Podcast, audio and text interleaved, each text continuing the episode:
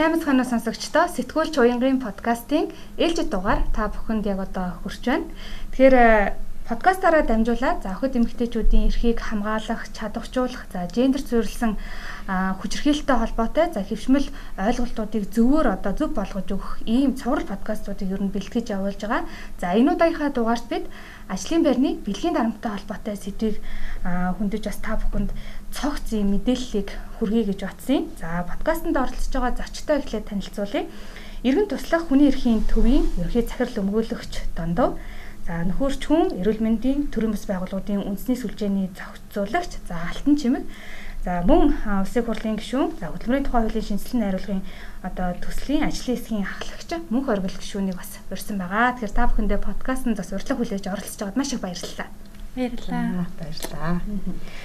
За тэгэхээр хамгийн түрүүнд аа ажлын байрны бэлгийн дарамт гэдэг энэ ойлголт маань за яг ямар ойлголтыг бид ингэж тодорхойлж авч үзээд байгаа юм бэ? За манай сонсогчдын хувьд харьцангуй залуу охид эмэгтэйчүүд төлхөө сонсдог байгаа. Тэгэхээр тэдэнд маань зориулаад бас яг ийм зэгцтэй ойлголтыг өгөөч гэвэл. Маш энгийнээр тайлбарлах юм бол ажлын байрны бэлгийн дарамтлал гэдэг маань өөрөө бэлгийн сэтлээ, үгээр, үйлдэлээр үзүүлэх харуулах байдлаар одоо илэрхийлж тухайн хүнийг хүсээгүй хүлээн авшгүй хүлээн зөвшөөрөхөд хэцүү тийм одоо сонголтонд аваачдаг ийм үйлдэл байгаа. Тэгэхээр ажлын байрны бэлгийн дарамтлал энэ мөн үү биш үү гэдгийг ялгах хамгийн гол шинж тэмдэг нь болохоор зэрэг тэр хүн өөрөө хүсээгүй байх а өөрийнхөө зүүн совингоор юм уу байгаа байдлаараа энийг би хүлээн авч болшгүй зүйл. Энэ ерөөсөө болохгүй байна тийм ээ. А тэгээд би энийг зөвшөөрч чадахгүй нэ гэдэг тийм одоо сэтэл юм уу тийм одоо сэтгэгдэл төржил байгаа бол энэ ажлын байрны бэлгийн дарамтлаа гэж их одоо энгийнээр ялгаж ойлгоход ийм зүйл байгаа. Өөрөөр хэлэх юм бол бэлгийн дарамт үзүүлж байгаа, а бэлгийн дарамтанд өртөж байгаа хоёрын маань аль нэг тал нь хүлээн авшгүй аа тэгээд төвчшгүй орчин нөхцөл одоо үүсгэх дайны одоо тийм зүйл байх нэ гэж ойлгож байна. За тэгвэл манай улсад ажлын байрны бэлгийн дарамт хэр их байдгийг бэ? За нөхцөлөд л ер нь ямар байгаа вэ? За ер нь ажлын байрны бэлгийн дарамт бол сүүлийн одоо 5 жилд хийж байгаа судалгаануудаас харахад бол харьцангуй ихсэн байна гэж ингэж үзэж болохоор байна тий. Тэр дундаа төрийн захиргааны байгууллагын ажилтнуудын дунд хийсэн судалгаагаар бол одоо ажилтнуудын мэдлэгч төдийлөн хангалттай биш байна. За мөн өөрсдөө өртсөн тохиолдолд ч одоо холбогдох байгууллагуудад одоо хаана хандах уу гэдэг төдийлөн сайн мэдэхгүй байна гэсэн ийм судалгаа гарсан байгаа тийм. Тэгэхээр зэрэг ер нь бол ажлын байрны бэлгийн дарамт гэдэг бол өөрөө тий олон улсын гэрээ конвенцууд, Монгол улсын хууль тогтоомжуудыг одоо зөрчсөн тийм хүний эрхийн ноцтой зөрчил. Тийм учраас хүүхэд залуучууд бол хүсээгүй үед нь хин нэгэн одоо халамж анхаарал тавих тийм ээ.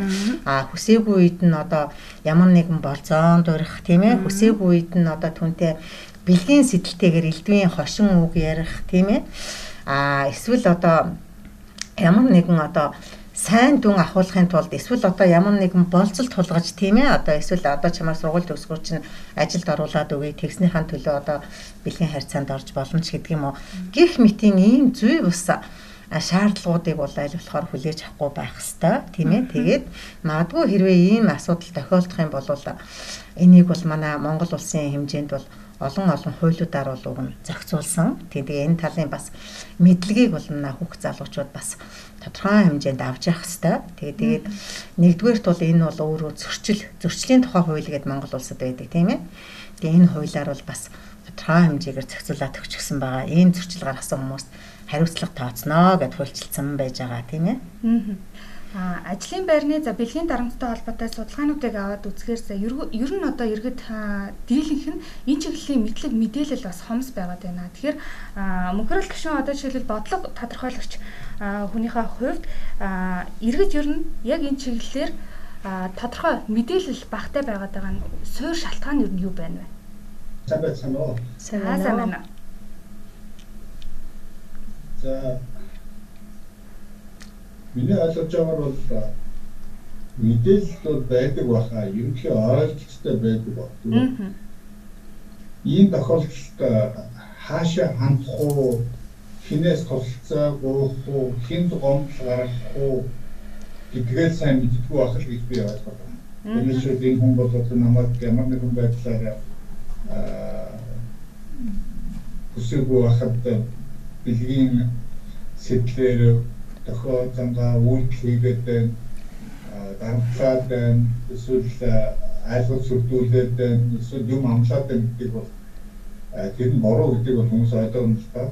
Энэ гол нь энэ тохиолдолд хинт хандах уу? Жишээ нь энд ажлын байранд бэлгийн дарамт гэдэг бол болцуулаад өдөрт галбын тушаалтан өдөртүүлж байгаа галбын тушаалтанд гаргаж хийдэг үйлдэл шүү дээ тийм ээ. Тэгэхээр жишээ нь байгууллагын дарга өдөрж байгаа ажилт нь ийм үйлдэл хийгээд ахад тэгээ дарагтаа хандах нь утгагүй болчиход байгаа байхгүй. Тэгэхээр хаашаа хандах уу гэдэг асуудал бол болов гэж би ойлгож байна.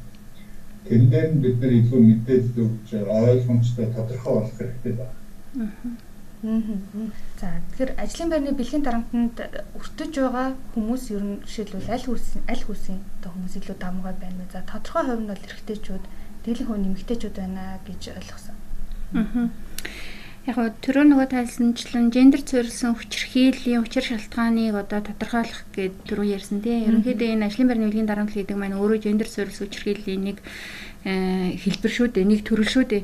Аа тэгээд яг гоо яагаад гендер суурилсан хүчирхийл гэж нэрлсэн бэ гэдэг учир шалтгаан талаас нь аваад үзэх юм бол ерөнхийдөө хохирогчдын 90 гаруй хувь буюу дийлэнх олонх нь эмэгтэйчүүд байгаад идэг аа За энэ утгаараа ч бас ажлын байрны үеийн дарамтлалын асуудал бол дийлэнх олон буюу 90 гаруй хувийн дан одоо эмэгтэйчүүд байгаад байгаа байхгүй. Тэгээ энэ утгаараа гендер зөвлөсөн хүчирхийлэл буюу ерөнхийдөө эмэгтэйчүүдийн эсрэг хүчирхийлэл гэж ингэж тодорхойлоод байдаг. Энэ нөрөө хүний эрхийн ноцтой зөрчлөө гэж ингэж үздэг байж байгаа.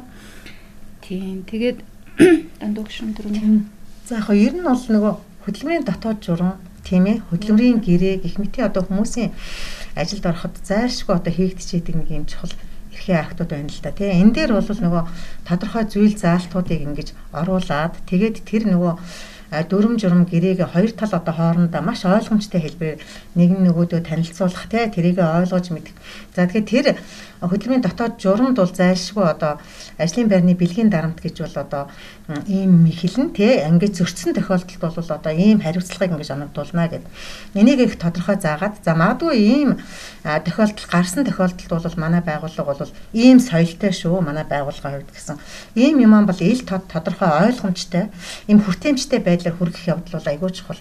Тийм ч учраас зөрчлийн тухай хуулийн нөгөө 2020 оны 1 сарын 10-нд орсон өөрчлөлтөөр чинь бол зөрчлийн тухай хуулийн 526-г хоёрт бол нөгөө хөдөлмөрийн дотоод журамдаа ажлын байрны бэлгийн дарамтын асуудлыг хуульчлаагүй, зохицуулаагүй тийм ээ. Түүнийг одоо хэрхэн яа шийдвэрлэх асуудлаад ингэж оруулж өгөөгүй болвол нөгөө аж ахуйн нэгж байгууллагуудын шин одоо 1500 нэгжтэй тэнцэх хэмжээний төгрөгөөр торгоно гэдээ ингээд хуульчилсан байгаа байхгүй. Тийм. Тэгэхээр зэрэг энийг бол бас нөгөө хүмүүст аягүй сайн сурталчилж мэдүүлэх хэрэгтэй тий. Ер нь бол энэ одоо энийг мдэггүйгээс болоо зарим нэг дотоод журамдаа оруулахгүй тэндээ орж байгаа хүмүүс нь мэдхгүй мэдхгүйгээс л болж бас энэ асуудлууд үүсэж байгаа гэдэг үл яхаа харахгүй санал нийлж байна тий. Аа яг энэ асуудлаас одоо урьдчилан сэргийлэх энэ нөгөө нэг хуулийн одоо зохицуулалт ингээд журам байгаад хэрэгжүүлэхгүй байна гэдэг хэлж шээ. Тэгэхээр энийг юугаар хөшөөрөгдөж одоо хэрэгжүүлэх хэрэгтэй гэж бодож байна мөхөр болгож байна. За нэгдүгээр хууль эрх зүйн орчноо илүү тодорхой хэрэгтэй болчиход байгаа юм аа. Захиргааны байгууллагад ажиллаж байгаа хүмүүс ийм арга хэмжээ, ийм үйл гаргах юм бол ийм ялтай За бусад байгууллагад ажиллаж байгаа хүмүүс ийм үйл гаргах юм бол ийм торгуултай ч гэдэг юм уу ингээд их зүйн орчноо нэгдүгээр маш ойлгомжтой тодорхой болох хэрэгтэй байна. За хоёрдугаарт энэ орчноо тодорхой болгочоод энэ их зүйн зохицуулалтаа олон нийтэд хүргэх, тайлбарлах, таниулах ажил чухал аа. Энэ дээр бол гол нь радио, телевиз, тэгэл ажил болгочтой байгууллагууд бодлогын зүйлдрийн танхим мөрдөгчний хэлгээд ингээд бүхэл шат амжилтгаар нь бүхэл суугаараа сурчлах ажил чухал байна. За гуравдугаарт энэ хөдөлмөрийн байгууллага доторх хөдөлмөрийн дотоод журам гэдэг сая ярьлаа шүү дээ тийм ээ. Дотоод журмын заалтуудаа ойлгомжтой болгох тэрийг одоо тэр байгууллагатай ажиллаж байгаа хүмүүстэй бүргэд таниулах асуудал чухал байна. За миний бодож байгаагаар бол ойлгож байгаагаар бол энэ эрүүгийн хуулийн залтаа буцаж сэргээж энэ эрүүгийн ялтай хэрэг юм шүү. Энэ зүгээр нэг зөрчил болоод өнгөрөхгүй юм шүү гэдгийг ойлгомжтой болгож таниулах ажил чухал байна. Ерөөсөө мэдээлэл өгөх л асуудал гэж ойлгож байна. Тэгээ соёл бий бол бүхэн төвшөөгүй ийм юм байж болдгүй юм байна. Аа ингүүл ийм арга хэмжээтэй ийм ялтай юм байна гэдгийг ойлгох Дэлхийн байрны бэлгийн дарамтлын асуудал чи өөрөө хувь хүний нэр төр алдар хүндтэй чухал одоо холбоотой. Жишээлбэл одоо тэр бэлгийн дарамтлалд өртсөн хүн энийг одоо хин нэгэнд хэлэхүү байх уу? Дор хаяжл би одоо гэрээхэндээ очиод нөхөртөө хэлэхүү байх уу гэдэг өөрөө маш тийм том сорилт тэгээ сэтгэл зүйн маш том асуудалтай одоо тулгарч байж байдаг. А жишээлх юм бол гадны орнуудад магадгүй одоо найз охин нь ч юм уу эсвэл одоо эхнэр нь ажлын байрны бэлгийн дарамтлалд өртсөн байлаа гэж тооцоолоход гадны орнуудад бол тэр эхнэрийг манай гэр бүлд эсвэл одоо бид хоёрын нандин харилцаанд нэгэн ижил одоо ийм муухай тийм ээ дарамт үүслэе гэж үзээд аа тэгээд найз охиноо юм уу эхнэрийгээ одоо дагуулж яваад тэрний эсрэг тэмцдэг юм байна л да. А гэтэл бас манай тим соёл байхгүй байна. А яг одоо ажлын байрны бэлгийн дарамтлалд өртлөө гэдэг юм бол одоо юу гэдэг яхаараа тэр олон эмэгтэйчүүд дундаас чи гэж тийм ээ. Магадгүй чи айлгуутай биз ч гэдэг юм уу тийм эхнэрийн зүгээс одоо биш нөхрийн зүгээс эхнэрээ буруутгах. За эсвэл одоо найз залуугийн зүгээс одоо найз охиноо буруутгах ч юм уу ийм сорилттой тулгардаг. Тэгээд бас нэг нөгөө одоо мэдээлэхгүй тийм ээ гомдол гарахгүй байгаа нэг шалтгаан бас эндээ байгаад байна. Жишээлх юм бол би одоо энд өртчлөө гэдгийг хэлхийн хэлнэ гэдэг маань өөрөө одоо ер нь хүний хувийн одоо бэлгийн эрх чөлөөний асуудал гэдэг чинь хүний нууцын нууц, хүний нандингийн нандан асуудал байхгүй. Тэгэхээр тэрийг хинт хэлэх үү гэдэг өөрөө маш чухал. А би энэ хүнд хэлснээр миний энэ асуудал шийдэгдэх үү гэдэг өөрөө маш чухал. Тэгэхээр зэрэг би энийг одоо хилээд өнгөрөх үү эсвэл одоо хилээд нэр төрөө одоо цэвэр авч үлдэх тийм ээ нэр төрөө сэргийлэх баталгаа надад хэр байна? А эсвэл би хэлэхгүй болвол илүү болвол дээр биш үү гэдэг энэ эргэлзээний хооронд бас маш их юм байгаа хгүй. Тэгээд магадгүй одоо энэ хөдөлмөрийн хуульд орсон эдгээр одоо хөдөлмөрийн хуулийн 7 дугаар зүйл шинээр одоо орох гэж байгаа эдгээр зүйл маань хэрүү бодлоо батлагдах юм бол бид нар бол батлагдаасаа гэж үнэхээр хүсэж байна. Юм бол маш олон хүнийг одоо тийм ээ ажлын байранда аюулгүй эмэгтэйчүүд одоо өөрийнхөө тийм ээ хөдөлмөрийг үнэн зөв үнэлүүлэх, дүгнүүлэх. За тэр хөдөлмөрийн харилцаанд дах эргэтгэж байдал гэдэг юм одоо үнэхээр бий болно гэж ингэж үзэж байгаа хгүй. Жишээлх юм бол одоо магадгүй бэлгийн дарамтлалын одоо төрөний хэлсэн болцол тавих энэ хэлбэрийг чамааг ингүүл тийм боломж олгоно шүү. Ингэхгүй бол чиний нөхцөл байдлыг дордуулна шүү гэдэг эн чинь өөрөө маш тийм хүнийг одоо төрөний хэлсэн тийм одоо хүсээгүй сонголтонд аваачиж байгаа ийм муухай зүйл байхгүй. Тэгэхээр зэрэг тэрийг магадгүй хүлээж авсан туяа магадгүй 1 2 жилдээ цалин авах ч юм уу магадгүй одоо тушаал авах ч юм уу ийм юм байхыг үгүйсэхгүй. А тэрийг хүлээж аваагүй дулмаа магадгүй нөгөө л байх байдаг судалтай нөгөө л байх байдаг цалингаа авал энэ утгаараа хэрвээ энэ ажлын байрны бэлгийн дарамтлал гэдэг асуудлыг одоо хуульчилж а маш сайн одоо эрх зүйн зохицуултыг хийж өгөхгүй бол энэ нь өөрөө одоо хөдөлмөрийн харилцаанд дах эргэтгэж байдлыг өгөө болгож идэг ажилтан нарын харилцаа хандлагыг бас айгүй муухай болгодог. За тэгээд тухайн одоо ажил олгогч тэр байгууллагын нэр хүндийг унгаж байдаг. А магадгүй бас хувь хүний нэр хүндийг ч бас давхар чирж байдаг. Ийм муухай асуудал юм а гэд нөгөө олон улсын хөдөлмөрийн байгууллагын 111-р конвенцэд нэлээд сайн бас тодорхойлоод өгсөн байдаг. Аа хөдөлмөрийн тухай хуулийн одоо энэ шинжилсэн хариулгын төсөл дээр яг нь ажлын байрны бэлгийн дарамттай холбоотой ер нь ямар одоо зохицуулалт орж ирж байгаа юм бэ? Мөхөрлөг шинэ та энэ дээр бас нэг ойлгомжтой тайлбарлаад өгвөл манай сонсогчдод. Энэ одоо улсын хурлаар хэлцэж байгаа хөдөлмөрийн тухай хуулийн шинжилсэн найруулгын төслийн 7 дугаар зүйлийг э, ярьж байгаа юм л да. Энэ зүйлийн гарчих нь бол ажил эрхлэлт хөдөлмөрийн харилцаа дарамт хүчирхийлэл бэлгийн дарамтыг холбогддог. Энд бол нэгдүгээр дарамтыг, хоёрдугаар хүчирхийллийг, гуравдугаар бэлгийн дарамтыг хоригдсан ийм залт байна. За тэгээд дарамт гэдэг нь бол одоо энгийн үгээр хэлэх юм бол загнаад хашгирчих элдэн бусаар хийх гэнэ.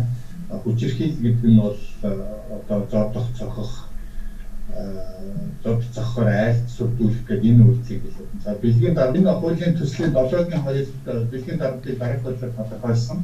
Ажил эрхлэлт хөдөлмөрийн харилцаанд ажил олгогч, ажилтан, гуравдагч хэлгээд бие биедээ хүсээгүй байхад нь бэлгийн сэтлээ үгээр бие захин болон бусад хэлбэрээр илэрхийлэх бэлгийн харилцаанд орох хэсгээс шалтгаалж ажил албан тушаал цалин хөлс зэрэг эдийн засгийн болон бусад байдлаар урамшуулах эсвэл тохирохоор айлгын төрдүүлэх, тулгын шаардах, болцол тавих, хаалтанд quid pro quo байдлаар бэлгийн дарамт үзүүлэхийг хориглоно гэж байна. Тэгээд 7-гийн 3-та 7-гийн 3 ажилтан ажил олгогч 3 дахь чиглэлээр ажил эрхлэх хөтөлмөрийн харилцаа дарамт хүчирхийлэл бэлгийн дарамтд өртсөн гэж үзвэл гомдлоо тухайн аж ахуйн нэгж байгууллагын удирдлага дээд чадны албан тушаалтан холбогдох төрийн бус байгууллага үйлдвэрчний эвдэл хөтөлмөрийн маргаан шийдвэрлэх байгууллага хууль хяналтын байгууллага хөтөлмөрийн хяналтын байгууллага Монгол Улсын хүний эрхийн үндэсний комисс шүүхэд тус тус гаргаж болно гомдлыг хүлээн авах байгууллага албан тушаалтны нэрс хаяг харилцах утас цахим шуудангийн хаягийг ажил олгогч нийт ажилтнанд харагдахуйц газар байршуул үүрэгтэй. Яг 7-гийн 4-т нь ажил олгогч ажил эрхлэлт хөтөлмөрийн харилцаанд дарамт хүчирхийлэл бэлгийн дарамтаас урьдчилан сэргийлэх таслан зогсоох гарсан гомдлыг шийдвэрлэх журмыг хөтөлмөрийн дотоодын хэмжээнд тусгаж дарамт хүчирхийлэл бэлгийн дарамтыг үйл төчих орчин бүрдүүлэх үүрэгтэй гэж. За тэгээд энэ гол гурван залтанд та. Камер Энэ бол гол гурван залтанд та. Тэгээд энэ дотор бол нэгдүгээрт бид нэр энэ ажил эрхлэлт хөтөлбөрийн харилцаа гэж арай өргөн тодорхойлж байгаа. Зөвхөн нөгөө ажлын байран гэж биш Энэ бол одоо ажил руугаа явах замдаа ч гэж ойлгож болно. Ажлаасаа буцаад ирэх замдаа эсвэл ажил хамтаага нөгөө нэг амралт соёлын мазар энэ явах хэрэгтэй тийм ээ. Тэрийг бас оруулж байгаа. Өөрөөр бүхэлдээ ерөөсөө ямар нэгэн байдлаар ажил хийх хөдөлмөр эрхлэх харилцаанд энэ бэлгийн дарамт орчих юм бол энэ 7-гийн 2, 7-гийн 3, 7-гийн 4 үйлчлэл шүү гэдэг энэ бүхэлдээ томоор тодорхойлж байгаа. Өөрөөр ажлын байрны гэж найрсгаагүй ажил эрхлэх хөтөлбөрийн харилцаа. За хоёрдугаарт зөвхөн ажил олгогч ажилтан хоёрын хооронд биш энэ бол ажилтан ажил олгогч гурав дахь чиглэл өөрөөр хэлбэл одоо юм дэлгүүр судалдагч чиглэлээр зогсож байхад худалдан авагч үйлчилчээд ингээд бэлгийн байх юм уу эсвэл худалдагч нь нөгөө худалдан авагчтай бэлгийн даатгуулчдад байх юм уу бас нэг өргөн цар хүрээтэй авч үзэж байгаа. Тэгээд гурав дахь гол санаа бол энэ өөрөө хүсээгүй байх хэрэгтэй. Тийм ээ өөрөө хүсээгүй байх хэрэгтэй. Хүсээгүй байгаагаа ойлгомжтой тодорхой илэрхийлэх ёстой. А ингээ илэрхийлээд алт нь одоо янз бүрээр хилээд эд зүйлээр амлаад эсвэл айлгуул сүрдүүлээд байх юм бол энэ бэлгийн дарамт гэдэг тодорхойлолтонд орж байгаа. Энэ латинаар бол энэ quid pro quo буюу одоо шан харамж амлах тэгвэл ингэ шүү гэсэн одоо үйлдэлийг хоригдж байгаа. Энэ томьёолт бол олон улсын хөтөлбөрийн байгууллагын 2019 онд баха шинээр батлагдсан хамгийн сүүлийн ажлын ажил эрхлэлт хөтөлбөрийн харилцаа бэлгийн дарамтыг хориглох олон улсын хөтөлбөрийн байгууллагын конвенцийн үгсэлтэй нэг нийцсэн ийм томьёол авсан. Аа Ажлын байрны бэлгийн дарамттай холбоотой судалгаануудыг хараад үзэхээр за мэдээлж чадахгүй байгаа нэг гол шалтгаанууд нь нэгт за бусдын зүгээс ирэх одоо нөгөө нэг тий буруутгал хохирогчийг буруутгах тэр зүйл байдаг. За хууль эрх зүйн орчин байхгүй гэсэн бас баримт татлага байхгүй учраас ингээд бусдад мэдээлж чадсангүй гэдэг ийм нөгөө нэг хариултууд байсан. Тэгэхээр одоо жишээлбэл энэ хуулийн зүйл залт хэрэгжиж эхлэхээр за тухайн хүн үнэхээр ажлын байрны бэлгийн дарамт үзүүлсэн гэдгийг жишээлбэл яаж одоо ингээд нотлох шаардлагатай юу тэр яг асуудал яг яаж зохицуулах юм бэ? Энэ хэцүү асуудалтай яг бол иймэрхүү үйлдэл чинь хүмүүсийн хажууд хийхгүй ээ. Хоёр хүний хооронд боцоо болж байгаа яриа эсвэл мессеж шивнэл ярианы хэмжээнд юм ярьж штэ. Тэгээ сүүлд нь ингэсэн ингээгүй намайг дарамтсан дарамтлаа гэдэг асуудал их гардаг. Аа олон улсын хөтөлбөрийн байгууллага бол энэ тохиолдолд ямар зөвлөмж гаргаад байгаа вэ ийм тохиолдолд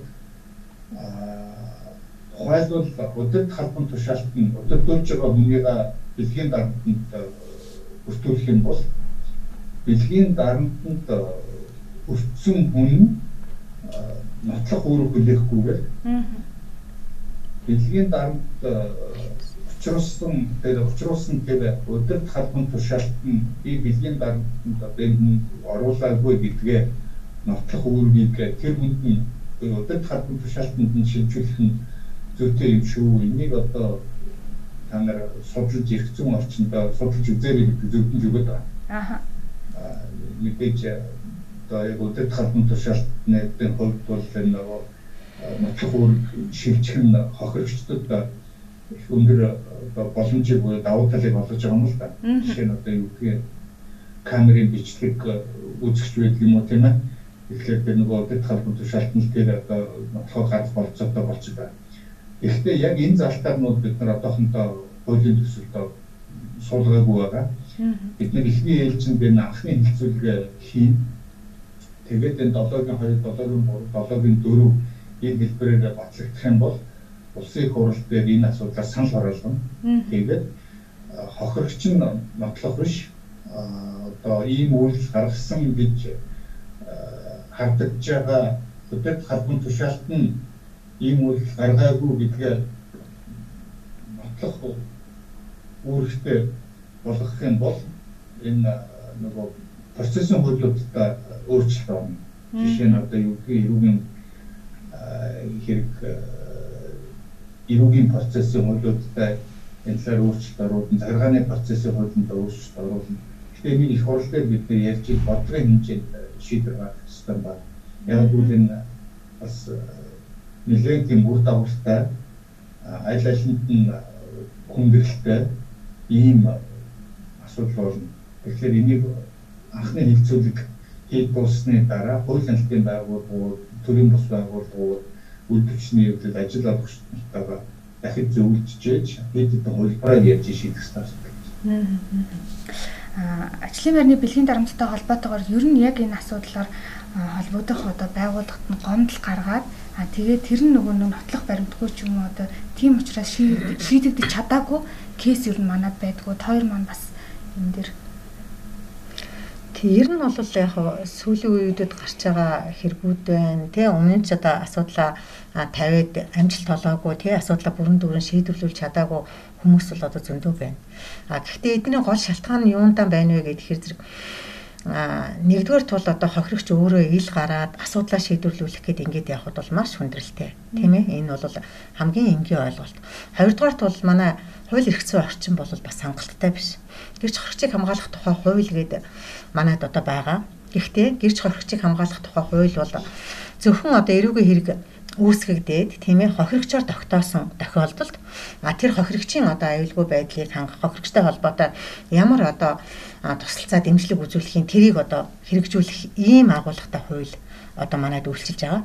А гэтэл ажлын байрны бэлгийн дарамтын хохирогч бол өнөөдөр одоо ийм үйл явдал боллоо гэл асуудлаа гаргаад тавихгүй тэр хүнд тавих уу? За одоо нэг төрийн бас байгууллагад ирээд тавилаа тий? Төрийн бас байгууллага бол яг сэтгэл зүйн хувьд дэмжиж одоо тэнд энд хандаач гэдэг ийм зөвлөгөөл өгнө гэхээс биш.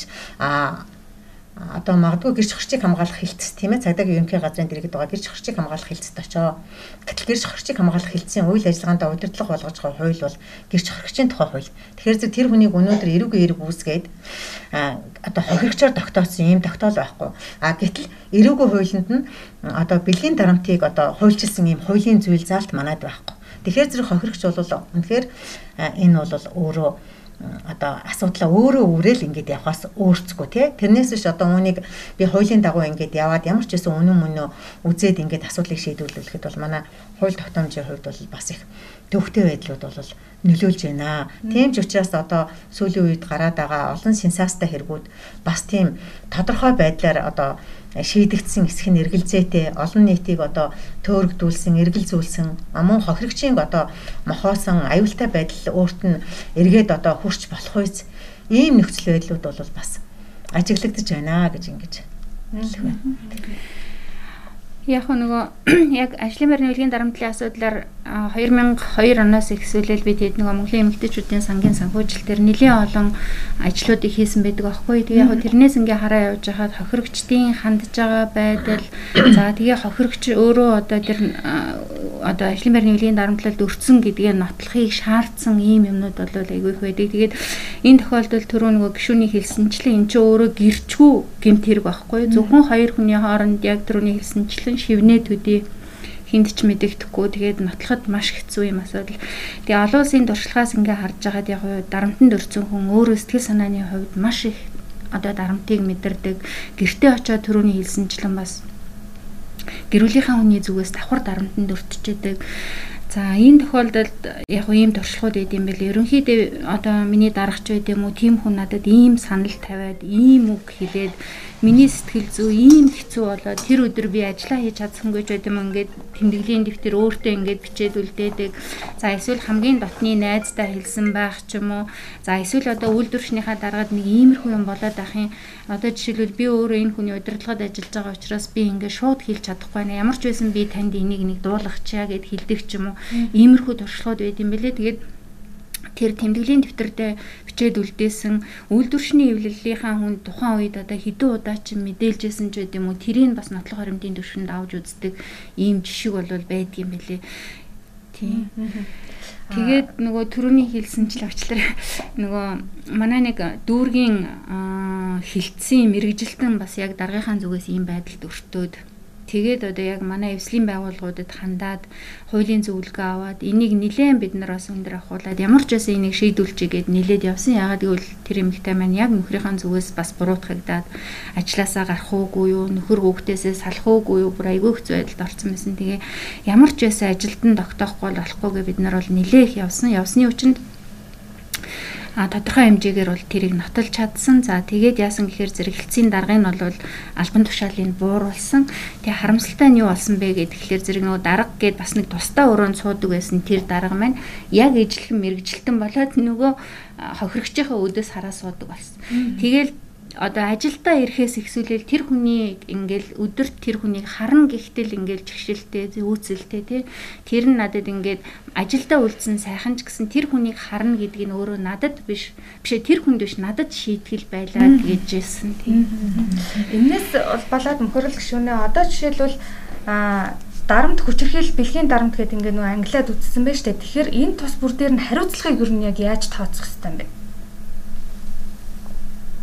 Нэгдүгээрт энэ хууль төлбөрийн хуулийн шинжилсэн хариуцлага батлагдах юм бол зөрчлийн хуулинд нэмэлт өөрчлөлт орж байгаа л да.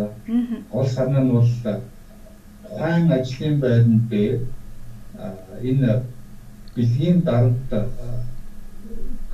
үйл төвчих орчин бий болох хэрэгтэй. Бэлгийн дарамтгүй орчин үүсгэх асуудал бол ажил олгогчийн одоо хариуцах ёстой нэг гол асуудал шүү гэдэг санаа тод суугаад тэгээд ийм орчин үүсгэх ирсэн маргаануудыг гомдлыг шийдвэрлэх заав журамтай бол мэдээ материал тараадаг бол сургалт судалгаа хийж гэсэн ийм залтууд явж байгаа юм дээр зөрчлийн хуулинд дээр. За хоёрдугаарт гол нь энэ эрүүгийн хуулинд нэмэлт өөрчлөлт оруулах санал байгаа. Энэ хуучин бол бэлгийн дарамтанд өртөх гэдэг эрүүгийн зүйл анги байсан шүү дээ тийм ээ. Хуулийн эрүүгийн дэвтэр болгоод тодорхойлсон зүйл залт байсан энэ хасагдсан. Энийг ямар нэгэн байдлаар сэргээх хэрэгтэй. Гэхдээ сэргээхдээ өмнөх тодорхойлолтоос арай жоохон өөрөөр энэ нөгөө нэг ажил эрхлэлт хөдөлмөрийн харилцаа гэж өргөн утгаар тэгээд зөвхөн ажилтан ажил олгогч хоёрын хооронд биш энэ ажилтан ажил олгож гуравдагч гэдэг хин шинтэй гэдэг утгаар нь тодорхойлоод тэгээ гуравт хамгийн гол нь нэг quid pro quo буюу шан харамж айлгаж зөвлөх ингүүл тэгэн шүү гэдэг энэ зүйлийг тэр гэмтэргийн диспозицид нь оруулж өгөх тодорхойлох асуудал. Тэгээд энэ чинь одоо тодорхой хэмжээний ялтай торгуулийн гэмтэргийн шинжээсэн шалтгаалаад торгуультай одоо баримтлах ялтай ийм залд оруулах хэрэгтэй байна. Гэхдээ энэ бол нөгөө хуулийн шинжилсэн найруулгын анхны хилцүүлэг хийдэг дуусны дараа нөгөө энэ хуультай дагаж хамт өргөн баригдсан 11 хууль хэлцэх хэрэгтэй. Тэр үед хэлцэгдэж батлагдах хэрэгтэй. Гол нь зөрчлийн хууль нь эрүүгийн хууль нь тодорхой нэмэлтүүд орох хэрэгтэй. Энэ бол эрүүгийн гэмт хэрэг юм шүү гэдгийг ангилж өгөх хэрэгтэй. Энэ тэгээд нөгөө хүчингийн гэмт хэрэгээс тусдаа гэмт хэрэг юм шүү. Энд бол заавал одоо бэлгийн бэлгийн дарамтанд учруулаад тэгээд бэлгийн харилцаанд орцсон байхыг шаарддаг зүгээр дарамт учруулсан өөрөө эрүүгийн гэмт хэрэг юм шүү гэдгийг тодорхойлох чухал байна. Тэгээд хөтөлбөрийн хуулийн шинжилсэн найруулгын төслийг хэлцэх явцад бид нар энэ асуудлаар хилцүүлэг улсын хурал дээр зохион байгуулсан. Тэгээд хилцүүлгээр манай олон төрлийн бус байгууллага, үйл төсний эдийн төдөл өчид оролцсон. Тэгээд эндээс юу ажиглагдаад байна вэ гэхээр за нэгдүгээр мэдээж энэ асар том нийгмийн асуудал болсон байна. За өмнөч байсан байна. А гэхдээ энийгээ бол одоо нөгөө асуудал юм уу энэ одоо хэрэг төв бочлаа шүү гэдгийг ойлгохгүй явж исэн. Тэгэхээр энд ийм юм байж болдгүй байна гэдгийг ойлгох тийм нийгмийн уур амьсгал бүрдүүлэх, соёл бүрдүүлэх асуудал нь болов тийм ээ. Мэдээлэл түгэх тэгээд миний ерөөсө тал талдаа хүлээн дэвчдэг үү, хүлээн зөвшөөрдөг үү болдгүй байна гэдгийг талхаас ойлгох асуудал нь чухал. За хоёрдугаарт судалгаануудаас юу харагдсан бэ гэхээр энэ бэлгийн дарамтанд өртсөн ялангуяа энэ залуу эмэгтэйчүүд хууль хяналтын байгууллага ч юм уу үйл төсний ивэлд хандах нь цөөхөн байна. Тэгээ яагаад ингэ цөөхөн хандаад байна уу гэдгийг судлаад үзэхлээр бид нар юу гэж хэлдэг вэ гэхээр нөгөө байгууллага хамт олон дотроо өөрсдөө хүнд байдалд орчод байна. Тэгээд тэр нь юу гэсэн үг юм бэ гэхээр за нэгдүгээр нөгөө оцсон удирд халбан тушаалтнууд нь өөрсдөө бэлгийн дарамтанд бэлгийн дарамт үлдээд байдаг. Тэгээд дараагийнхаа эсрэг дарагдаа гомдлох хэрэгтэй болчиход байдаг нэгдүгээр. А хоёрдугаар нөгөө хамт олон байгууллага нь өөрөө дотроо тэр дарамтанд өртчөөд байгаа хүнээ өмөрөхөөсөө илүү дарамтанд өртчөөд байгаа хүнээ буруу хандлага байгууллагуудад их байна гэдэг байна. Ялангуяа эмэгтэйчүүд дотроос эмэгтэйчүүд нь эмэгтэйчүүд дэмж ханддаг их баг байдаг юм байна. Судалгаагаар харагдсан. Тэгээ энэ жишээ нь юу гэхээр одоо арай ахмад насны эмэгтэйчүүд нөгөө энэ өөрөө л ингээл гэх юм муухайгаар хэлэх юм бол айгуутай лангалцаад ингээл янз бүр болоод явдаг шүү дээ. Дараа урдуур ингээд шүү дээ. Нөгөө бэлгийн дарамт өртсөн хүнээ хохирогчоо буруутгаад байх хандлага давмгаалаад идэв юм байна. Тэгэхээр энэ хандлагыг бид нэр өөрчлөхгүй бол энэ асуудал одоо хүн асуудал хэвээрэл байх юм биш.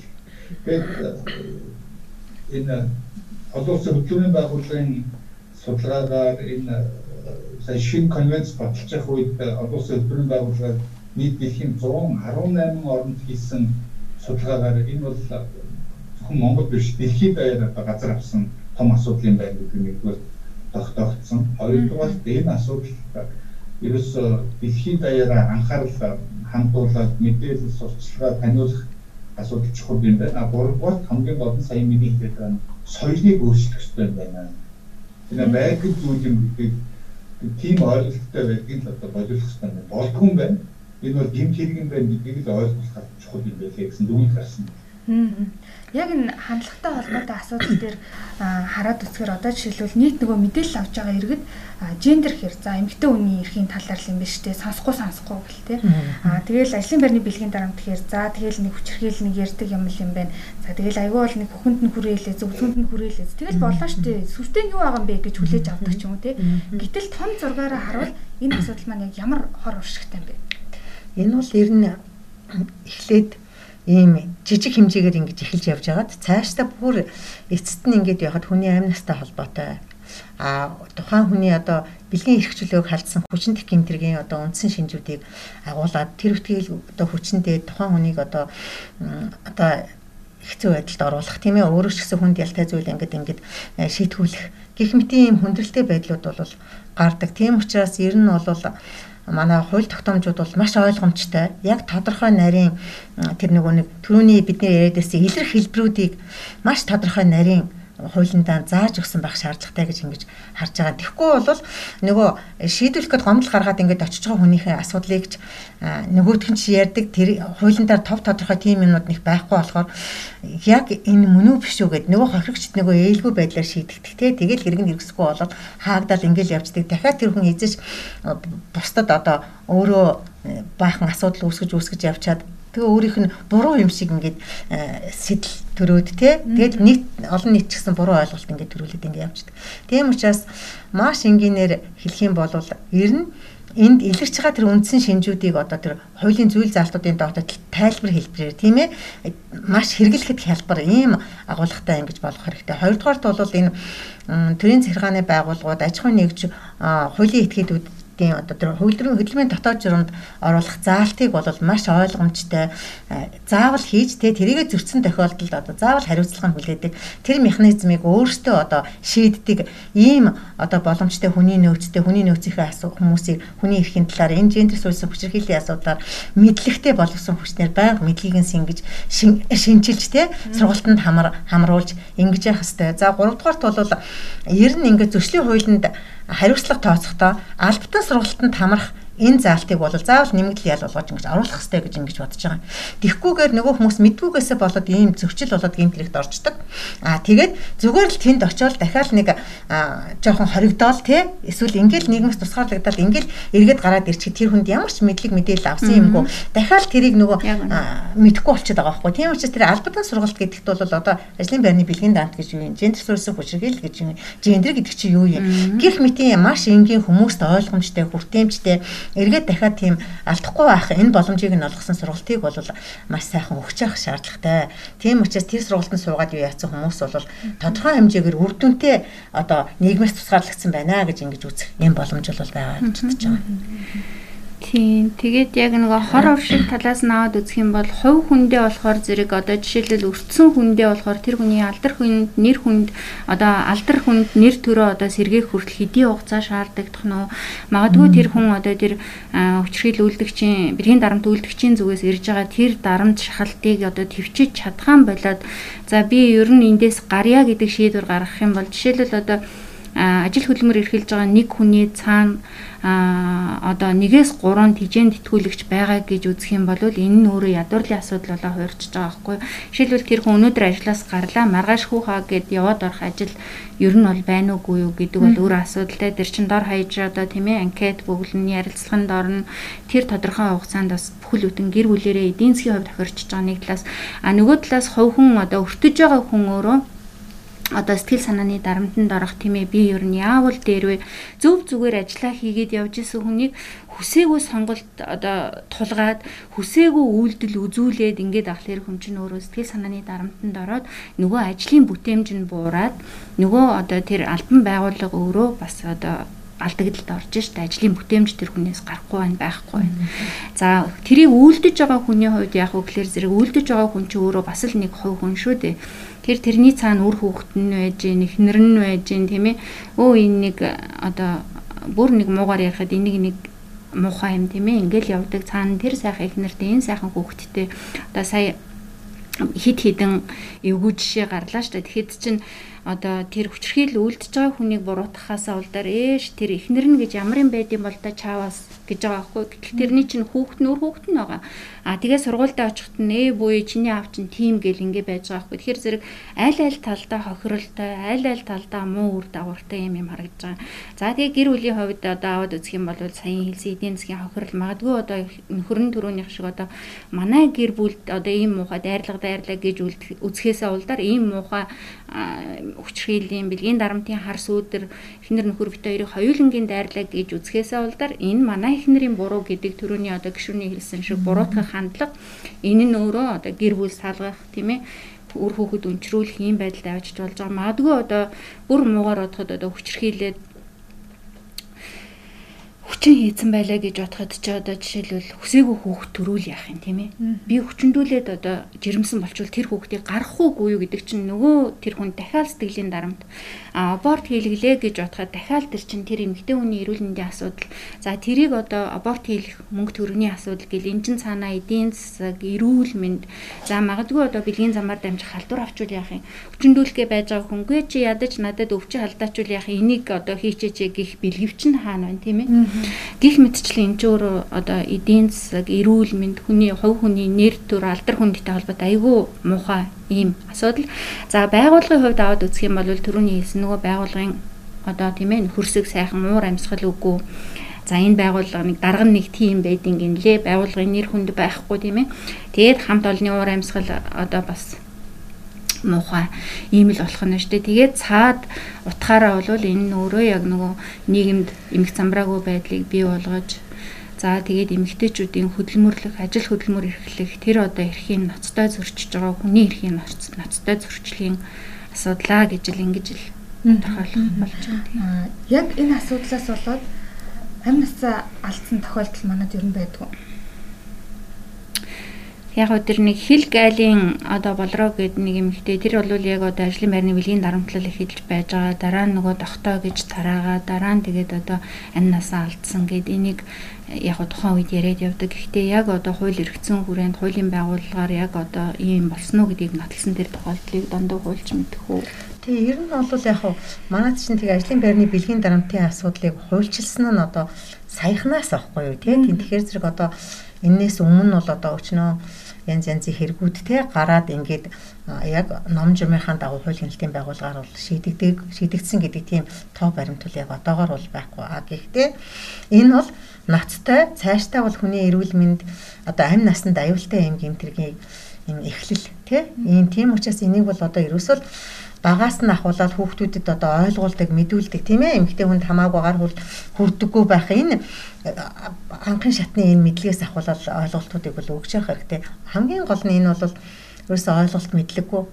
Энэ байдлаар л одоо тулгуурлаж одоо би болсон ийм хэрэг тэгээ цаашдаа энэ бол даамжраад одоо айгүй тийм төвхтэй төвхтэй байдлуудад аль алинд нь хохирогч болоод тий гинтрэг үйлдсэн хүмүүс аль алинд нь юм төвхтэй байдлуудыг бий болгодог. Тийм учраас энд бол зөвхөн одоо бид ганцхан одоо хохирогч гэх талаасаа биш тийм ээ нийгмийг эрүүл байлгах цаашдын одоо улс орныхон хөгжилд үнэтэй хувь нэмэр оруулахын тулд бол зайлшгүй энэ талын мэдлэг бол байх ёстой. Энэ талаад олон улсын хэмжээнд бол энийг бол маш нарийн олон ийм дистралалтайгаар тийм ээ ингэж асуудлыг нь шийддэг. Тэгээд нөгөө хохирсон хин нэгнийг одоо нөхөн сэргээж эргүүлж хэвийн амьдралд нь оруулах тийм ээ.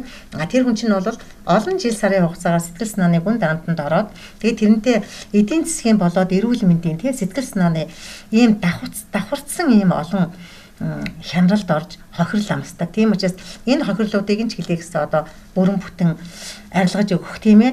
Ингээд нөгөө зөрчил болоод гинтэр гүйлдэд байгаа хүний ч гэсэн эргэж одоо бас мэдлэг мэдээлэлтэй болгож энэ асуудлыг одоо дахин одоо гаргахгүй байх тийм ээ. Энэ асуудалтаар нь илүү төлөв анхаарахад бол энэ хуулийн тодорхой одоо энэ хөдөлмөрийн тухай хуулинд орж байгаа энэ заалтууд бол маш ач холбогдолтой. Энэ бол хөдөлмөрийн хууль бол өөрөө их том хууль Тийм бол богинохон хугацаанд бас хилцээд ингээд шийдэгдээд явждаг. Улс орнуудын хувьд бол маш олон жилийн хугацаанд одоо хөдөлмөрийн хуулиа сайжруулах гэж ингээд үе шатраатайгаар ингэж явж ийж баталж ингэж хэрэгжүүлдэг. Тийм учраас энд бол бид нар бол одоо маш чухал заалт бол одоо энд орсон байгаа. Тийм учраас энэ энэ заалтаа бол одоо ингээд энэ чигээр нь батлаад а холбогд хуулиудын хувьд бол харин тэр мөнгө хөргөл гишүүний дөрөнд хэлсэн одоо зөрчлийн тухай хуулинд тодорхой заалтуудыг бол өөрчлөх хэрэгтэй. Тэнд бол эрүүгүй хуульд одоо өмнө орсон заалтыг бас илүү нарийн сайн алга болсон заалтыг бол илүү бас өөрчилж боловсронгуй болгоод өнөө үед тохирсон байдлаар санкц ялын хувьд бол бас тийм энэ тэгээ одоо их альтернатив байдлаар хэрэгтэй ийм боломжтой байдлаар ингэж зохицуулах хэрэгтэй. Гэрч хоригчийг хамгаалах тухай хууль, бусад эрүүгийн хэрэг хянан шийдвэрлэх тухай хууль болон иргэний хэрэг хянан шийдвэрлэх тухай хууль, захиргааны хэрэг хянан шийдвэрлэх тухай хууль гэх мэтийн энэ нэн тэргуунд одоо зайлшгүй одоо хэрэглэгдэж байдаг энэ чухал чухал хуулиудад бол одоо тийм алсыг нь харсан. Тэ цаашдаа одоо богино хугацаанд ингээд дахиад өөрчлөлт байхааргүйгээр тийм ээ олон улсын чиг хандлагыг харсан өөрийнхөө орны онцлог байдлыг харсан ийм байдлаар ингэж хуульчлах явдал бол одоо тулгымцсан асуудлаа гэж ингэж хэлж байна. Тэгээ түрүүн мөнхөргөл гişүн ярьжсэн дэлхийн 118 орнд нөгөө судалгаа ихэд яг энэ ажлын байрны бэлгийн дарамт бол одоо ингээд бас маш том асуудал юм байна гэдэг нь судалгаагаар гараад ирчихсэн ингээд ер нь яг энэ асуудлыг жишээлбэл хамгийн одоо улс суртай сайн шийдсэн улс нь ямар улс эдийн те яг нөгөө хууль талаас эргэцсэн орчиндөө ер нь яг яаж тусгаж өгсөн байд юм бэ? Улс орн янз янз байдаг та тэгээд энэ асуудлыг төв шийдсэн улс гэж байхгүй байх. Яаж бодсон гэсэн.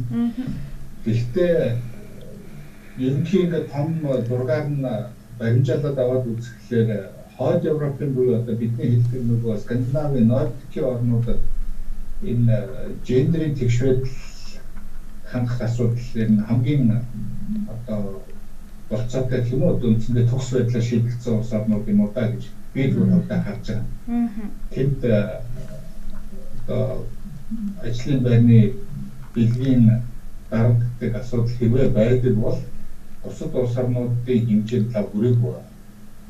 Тэгээд тэр гол ялгаа нь юунасаа болоод байна вэ гэдэг ингээд хараад үзэхлээр миний ойлгож байгаа бол энэ ерөөсөө нэг нийгэмд за ийм юм бол хийж болох юм байна. За ийм юм хийж болохгүй юм байна.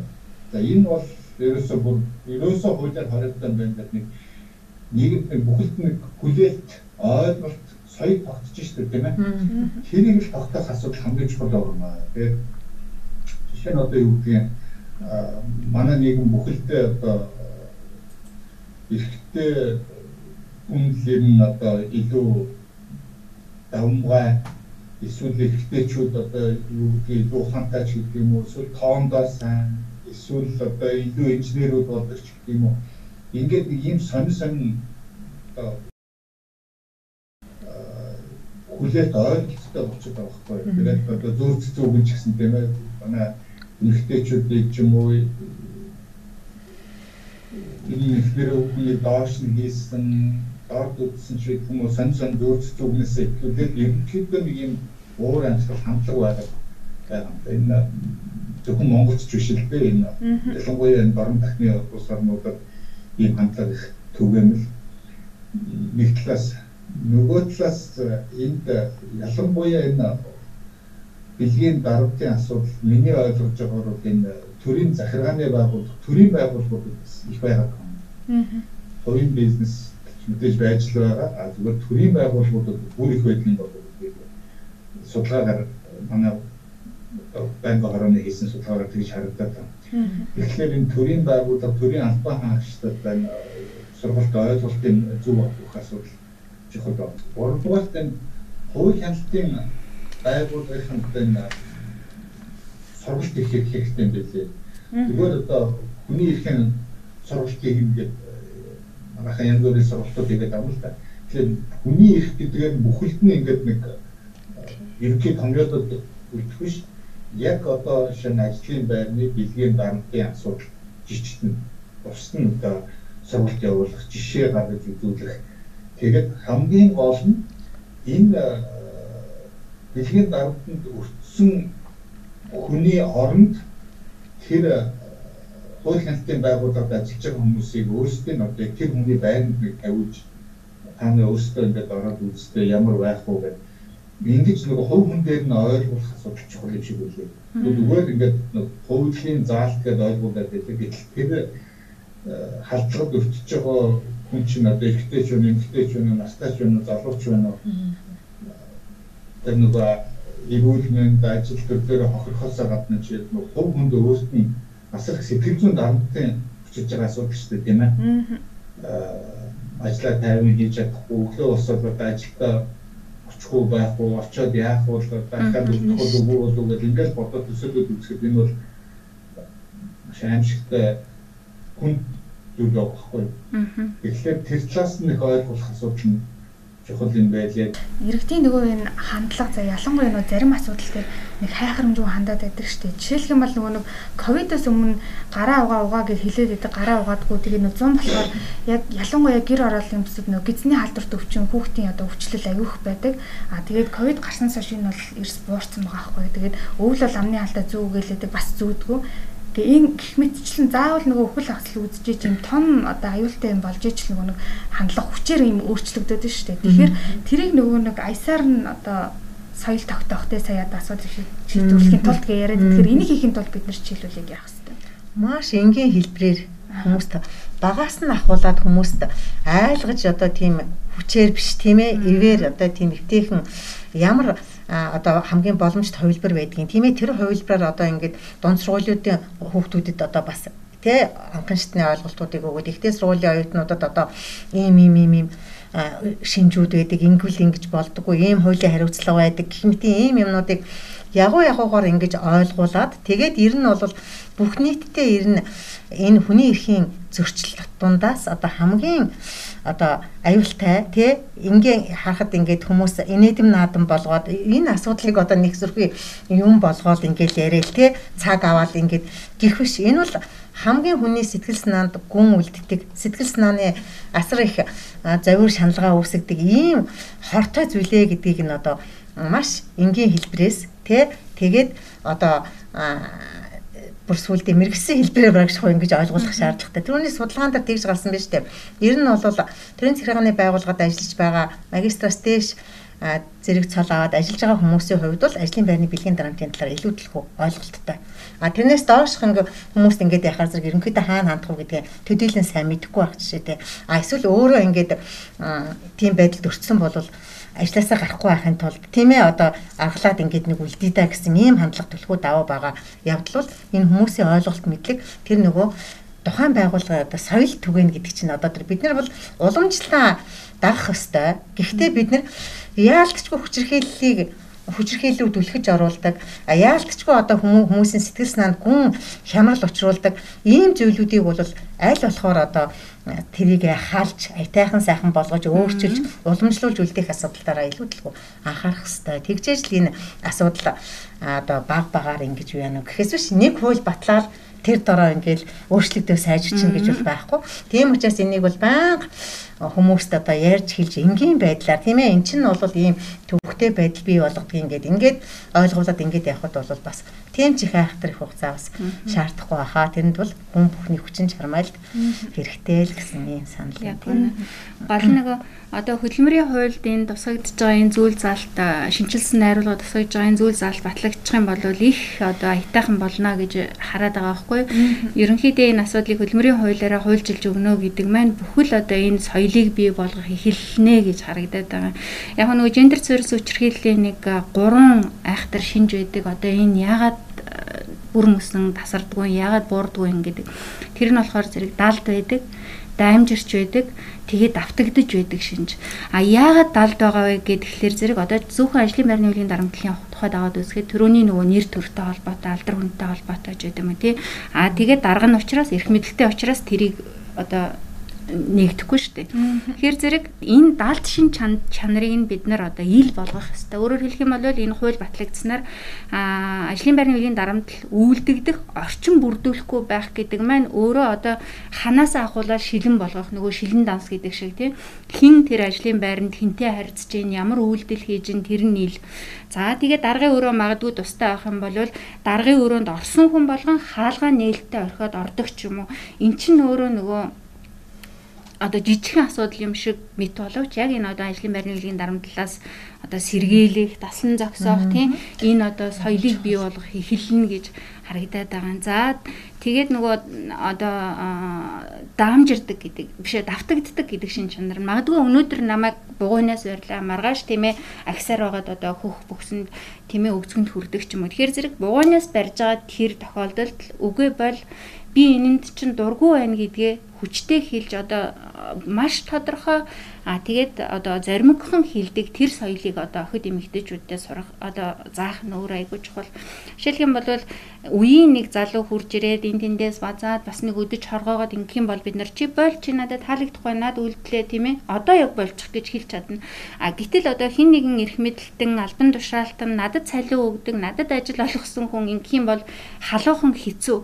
А гэхдээ энэ маань хөдөлмөрийн хуулиар одоо баталгаажуулдаг хэлэх юм бол та энийгээ болчих. Энэ надад таалагдахгүй байна гэж хэлэх эрх маань үүсэж байгаа байхгүй тэгээд энэ маань болохоор зэрэг нөгөө давтагддаг шин чанарын одоо эхний шатанд нь одоо тийм ээ хүндрэх тэр шатнаас нь одоо талсан зогсоож байгаа ихний арга. За тэгээд давтагддаг гэдэг маань даамжирч байдаг гэдэг маань одоо саяын хэлсэнтэй бас л утга нэг. А тэгээд давтагддаг гэдэг маань магадгүй над дээр дахин дахин давтагдах биш.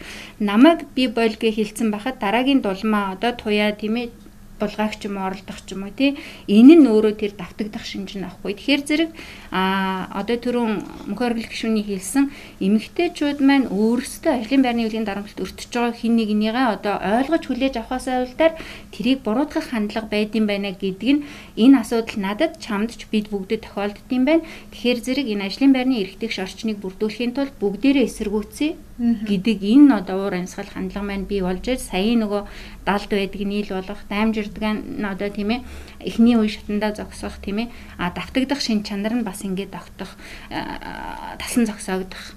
Энэ нөхцөл байдал нь одоо хөдөлмөрийн хуулийн одоо саяын цөөхөн ч гэсэн заалт хэрвээ батлагдчих юм бол их сайхан зүйлсүүд одоо эхлэн тавигдана гэж бид нар бол маш сэтгэл догтлоод хүлээгээд байгаа. Тийм. Яг саяны асуултан дээр мөнх оролт гүшүүнд нэмж одоо хэлэх зүйл байна. Одоо нэмж хэлэх зүйл алгадаа манай улсын их хурлын нийт гишүүд нийгмийн бодлогын байнгын хорооны гишүүд бид нар бол энэ хуулийг энэ хаврын чуулганаараа батлая.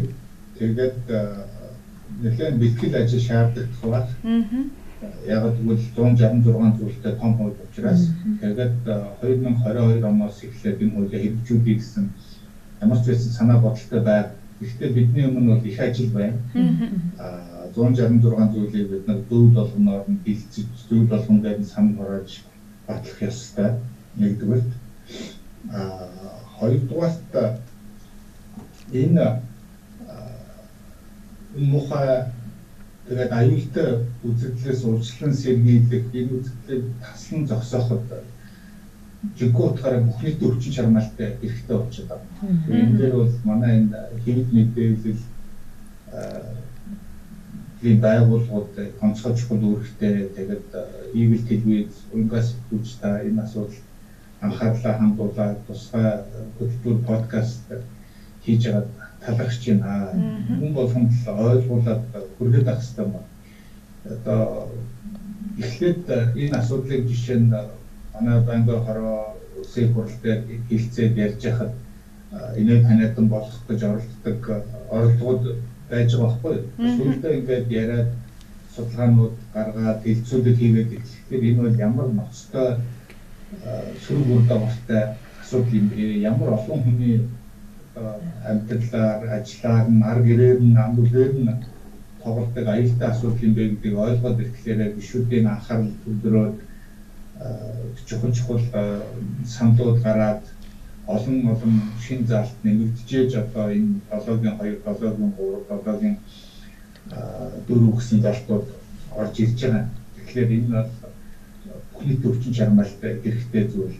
За 3 дугаарт миний ойлгож байгаагаар бол энэ хууль батлагдсанаар бол асуудал шийдэгдэхгүй. Хууль бол зөвхөн суур хим хэмжээд автаж үүж байна. Тийм ээ. Суур хим хэмжээг хэрэгжүүлэх тэрний ач холбогдлыг ойлгох асуудал нь өөрөө бүх шатны хувьсгалын төрийн болон төрийн бус аж ахуйн нэгж ашиглал ашиглал бус бүхэл байгууллага хүн хүний хүчин зүтгэлээс шалтгаалах том ажил байгаа. Цаг хугацаа шаардна.